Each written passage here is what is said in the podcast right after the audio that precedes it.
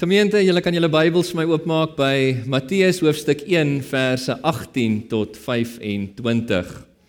Die tema wat ek ver oggend met julle behandel vanuit hierdie gedeelte is die geboorte van ons Here Jesus Christus.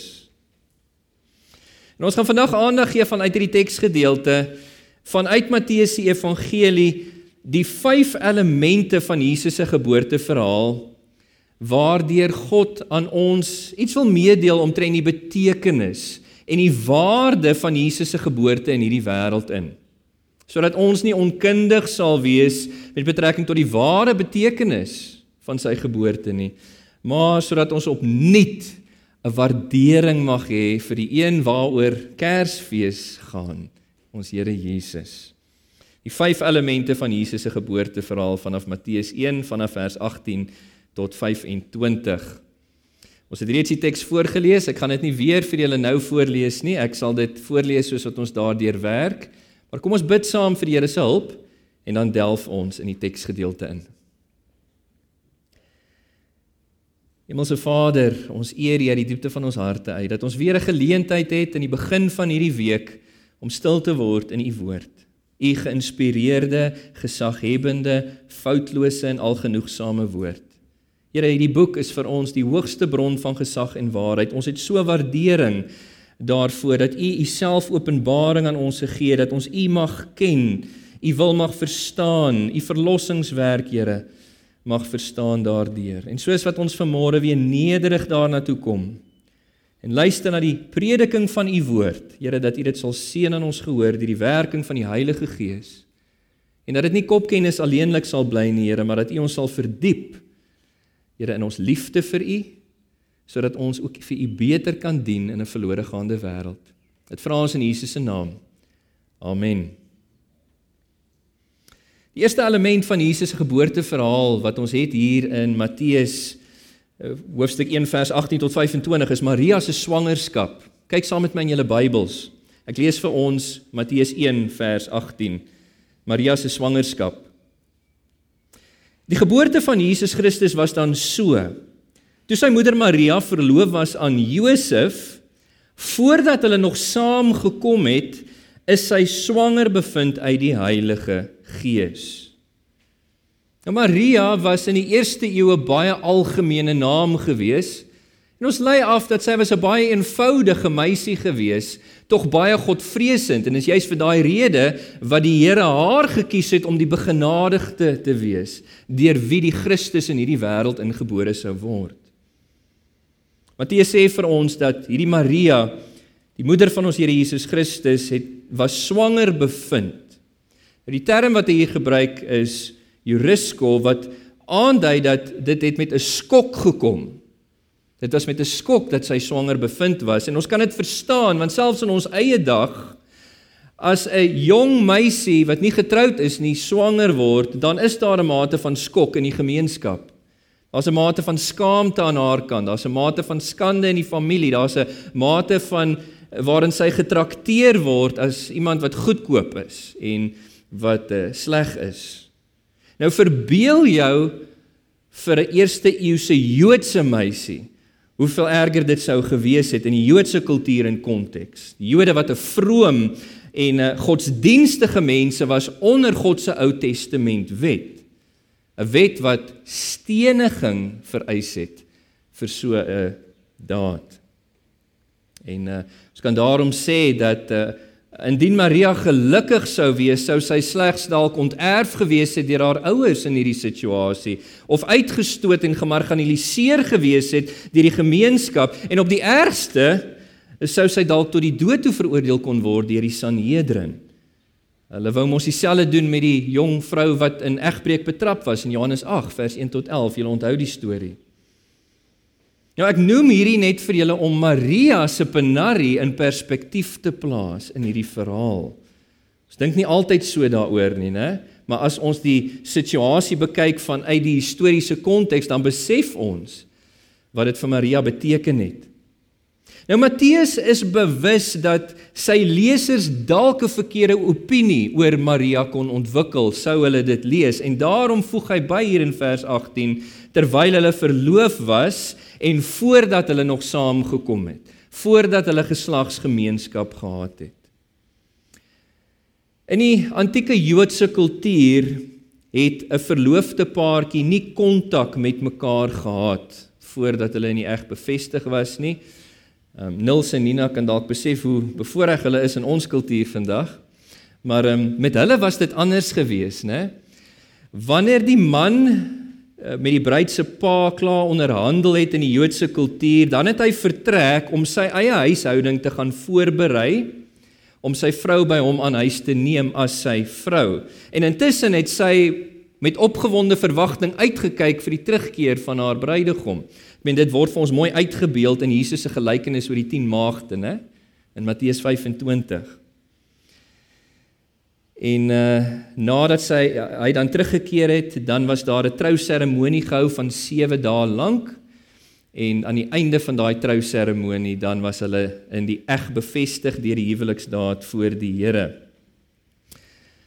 Matteus noem dit om aan te dui dat uh Maria se swangerskap het nie deur menslike middele gekom nie, maar eerder soos hy noem uit die Heilige Gees. Kyk wat sê hy in vers 18.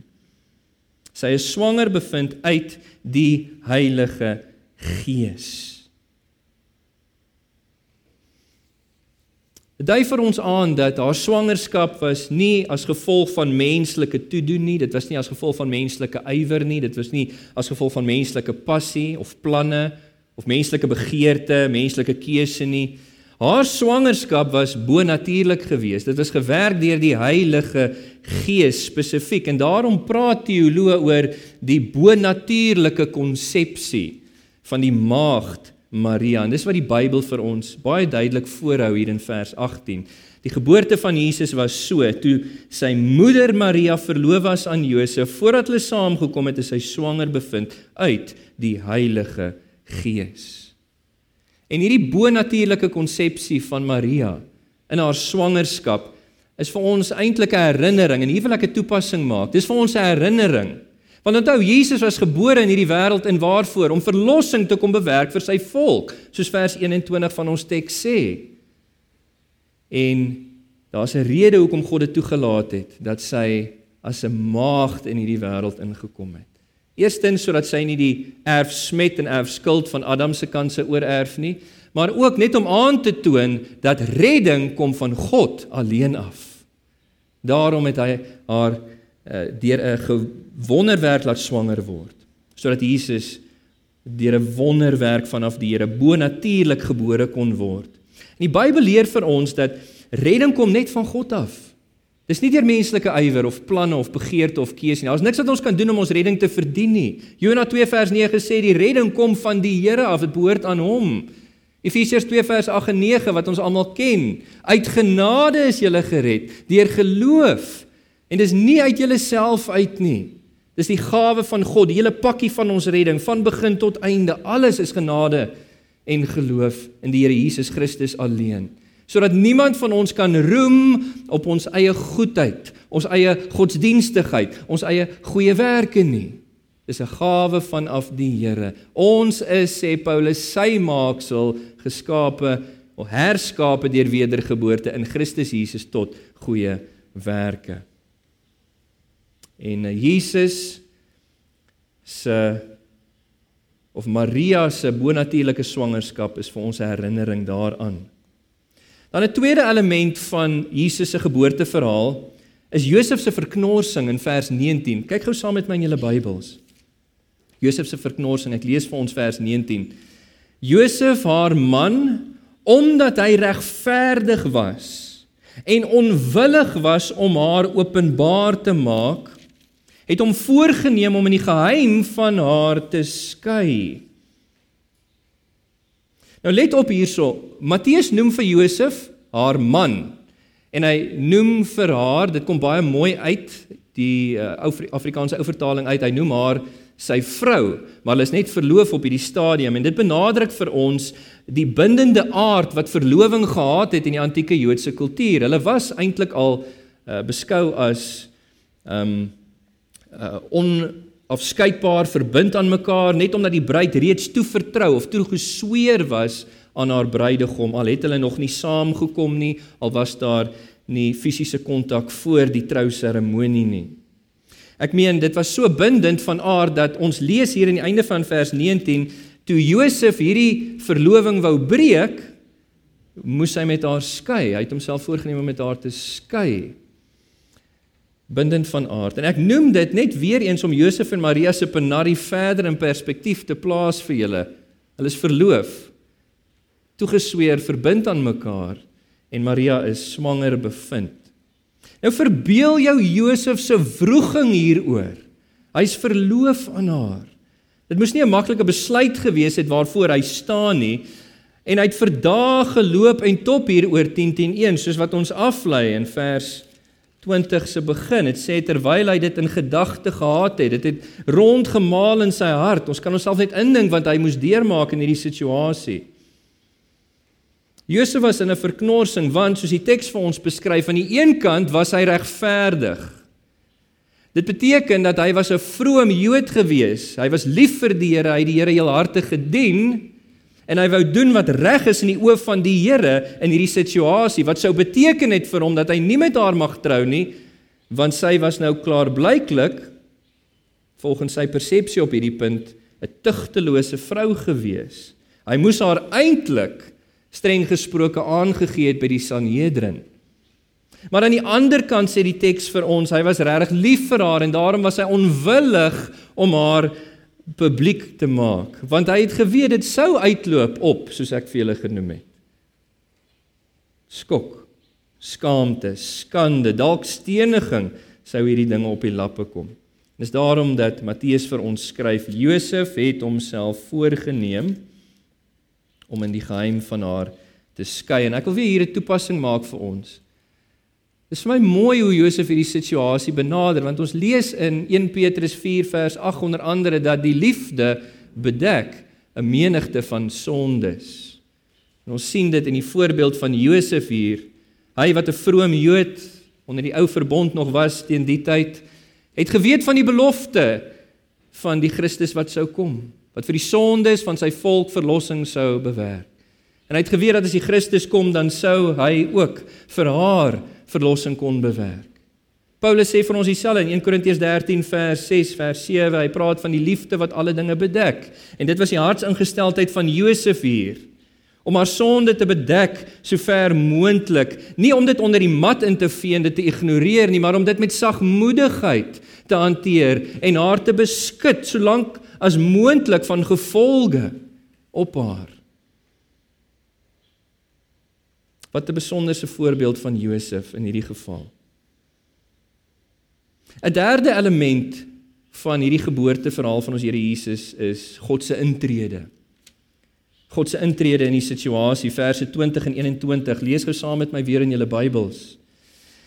Terwyl Josef dit in gedagte gehad het, om stilweg met haar te skei, die verloving te breek, verskyn daar 'n engel van die Here in 'n droom aan Josef en sê vir hom: "Josef, seun van Dawid, wees nie bevrees om Maria jou vrou by jou te neem nie, want wat in haar verwek is, is uit die Heilige Gees.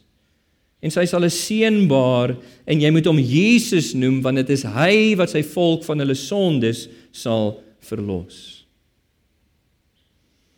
'n engel verskyn aan Josef in 'n droom. Dis heel moontlik die engel Gabriël. Julle sal onthou dit was Gabriël wat ook in Lukas se verhaal aan Maria verskyn het wat vir haar kom aandui het dat sy swanger is.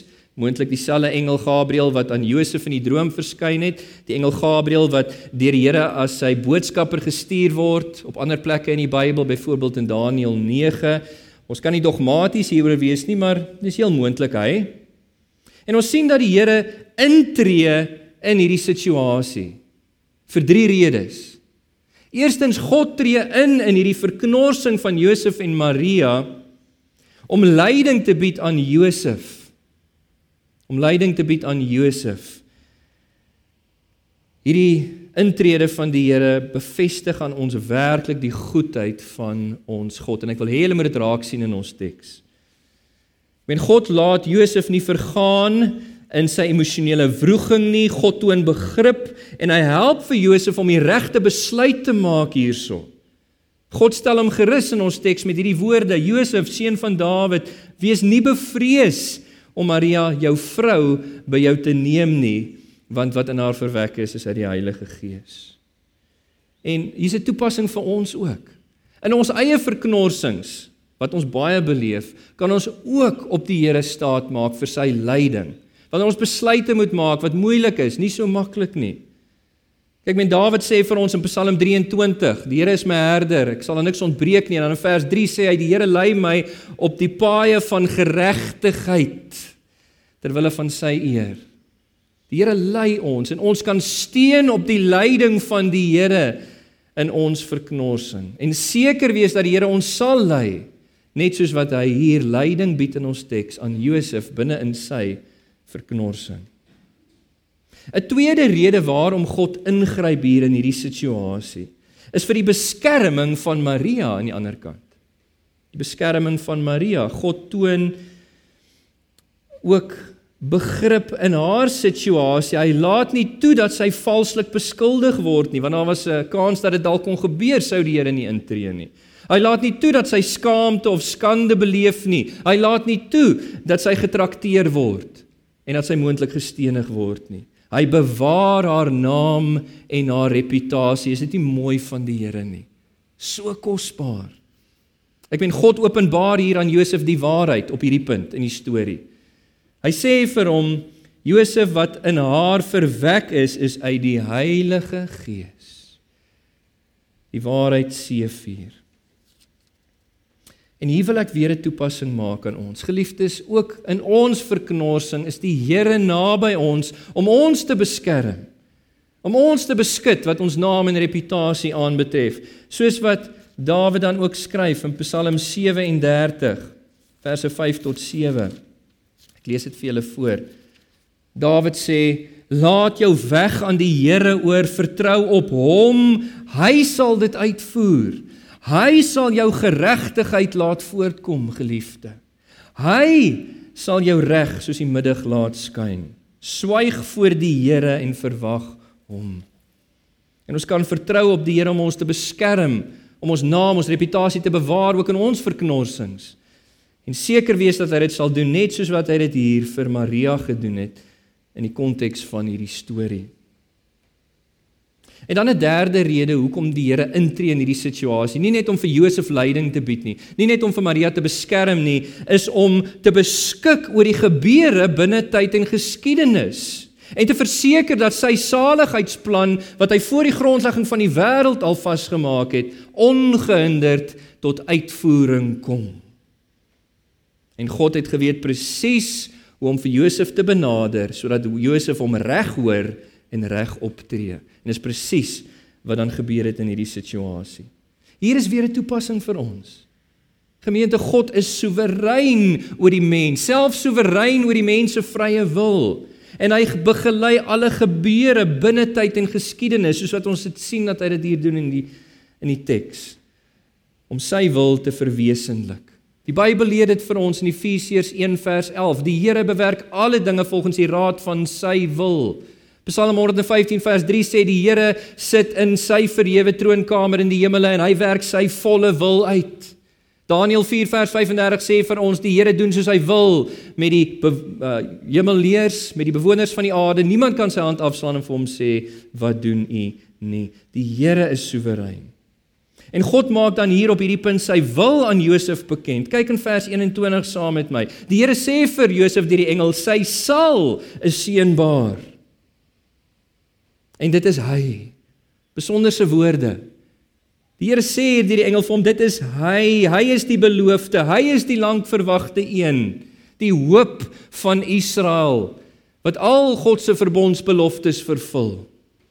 Hy is die een en jy moet hom daarom Jesus noem. Jesus in Hebreëus bekend as Yeshua afkomstig van dieselfde wortelwoord as Joshua, Joshua. Hoshua, Hosea wat beteken verlossing. Hy sal verlossing bewerk vir sy volk sê die einde van vers 21. En dis die primêre doel waarom Jesus gebore is in hierdie wêreld in om te leef en te sterf vir die verlossing van sy volk. Wie is daardie volk? Wel, wanneer Matteus sê hy sal verlossing bewerk vir sy volk, bedoel hy almal wat glo in die Here Jesus Christus met reddende geloof. 'n Geloof wat sigbaar is in hulle lewe, wat uitvoer of manifesteer in hulle lewe, uitvloei in bekering. Almal wat glo of hulle nou in die Ou Testament bedeling was of in die Nuwe Testament of hulle Jode was of hulle nie Jode was nie, die hele kerk van die Here Jesus Christus word hier ingesluit. Almal wat glo, sal hy verlos sê die einde van vers 21 die woord sosei wat beteken om goddelike redding te ontvang wat insluit vergifnis van sonde se skuld wat insluit vrystelling van sonde se straf wat insluit verbreeking van sonde se mag oor ons wat insluit die versoening met God dat die Here God in Christus Jesus op grond van sy versoeningswerk ons aanneem as kinders in sy familie en ons regverdig verklaar op grond van Jesus se sondelose gehoorsaamheid aan die morele wil van God. En saam met daai verlossing, 'n ewige lewe as genadegawe en 'n ewige erfenis in die hiernamaals. Dit alles word ingesluit by hierdie woord, soos sy verlossing wat Jesus gebring het vir sy volk, elkeen wat glo. En is duidelik uit die teks uitgeliefdes Jesus. Ons Here Jesus Christus, Jesus van Nasaret, hy is die beloofde lang verwagte Christus, deur wie God dit sou bewerk.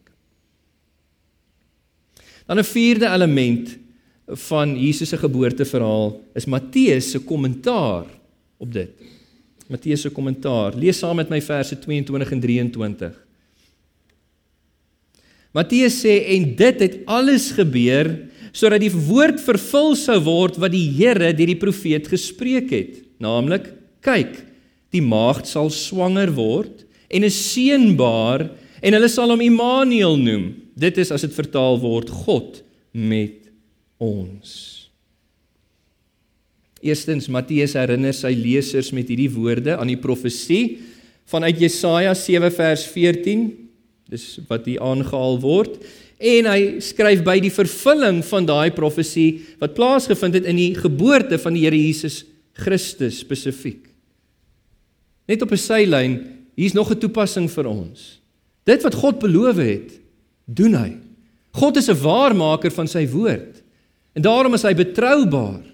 Ons kan staat maak op die woord van die Here want dit wat hy beloof het, vervul hy altyd. En Matteus beklemtoon ook hierso in hierdie verse Jesus se godheid. Nou ons het laasweek bietjie stil gestaan daarby. Soos Matteus hierso skryf vanuit die kwotasie uit Jesaja, hy sê die een sal genoem word Immanuel, as dit vertaal word beteken dit God met ons. Dit beteken nie net God is in ons midde nie, dit beteken hy is Immanuel, hy is God in ons midde, God wat vlees geword het op aarde. Ek kan dalk net hier weer noem by wyse van beklemtoning wat ek laasweek gesê het. Dat Jesus se godheid word beklemtoon deur Jesaja. Twee hoofstukke na die kwotasie wat ons hier in ons teks het, in Jesaja 9 vers 5 en 6, sê Jesaja, hierdie een wat gebore gaan word vir ons, hierdie seun, hy sal genoem word wonderbare raadsman, magtige God. Dit al Matteus vir ons aan en sê vir ons hy is Immanuel God met ons. Maar ook Johannes het Jesus se godheid beklemtoon wanneer hy gesê het niemand het God gesien nie, maar die unieke seun self God het hom kom bekend maak aan die mense. Paulus het Jesus se godheid bevestig. Toe hy gesê het dat Jesus is God oor alles vir altyd lofwaardig tot in ewigheid. Romeine 9 vers 5. Ook het Paulus gesê ons sien uit na die wederkoms van ons grootte God en verlosser Jesus Christus. Petrus dieselfde, praat van dat hy skryf vir hulle wat dieselfde geloof as ons ontvang het hierdie geregtigheid van ons God en verlosser Jesus Christus al hierdie individue die godheid van Jesus onder die inspirasie van die Heilige Gees bevestig in sy woord. Selfs Jesus het dit bevestig. Toe hy in Johannes 10 vers 30 daai stelling gemaak het, ek en die Vader is een. Een in wese, een in bestaan. Jesus is God wat mens geword het deur sy geboorte in hierdie wêreld in. En dan 'n vyfde element van hierdie geboorteverhaal is Josef se gehoorsaamheid. Josef se gehoorsaamheid. Kyk gou weer saam met my in julle Bybels na verse 24 en 25. En toe Josef uit die slaap wakker word, het hy gedoen soos die engel van die Here hom beveel het en sy vrou by hom geneem. En hy het haar nie beken totdat sy haar eersgebore seun gebaar het nie en hy het hom toe Jesus genoem.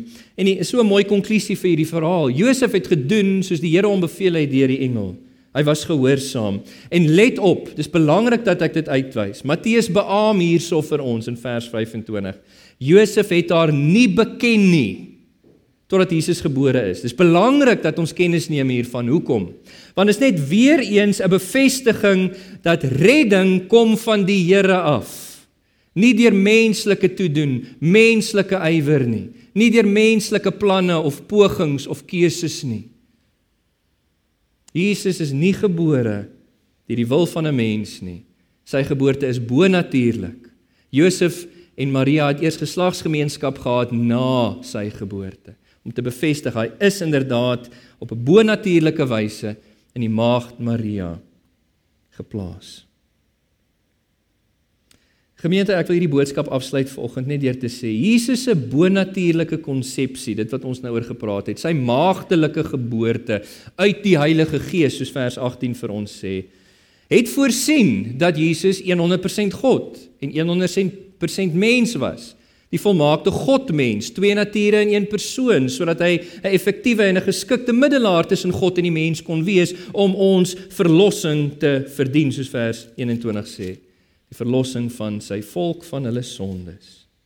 Liberale teoloë in ons dag wil Jesus se bonatuurlike konsepsie en sy maagdelike geboorte ontken.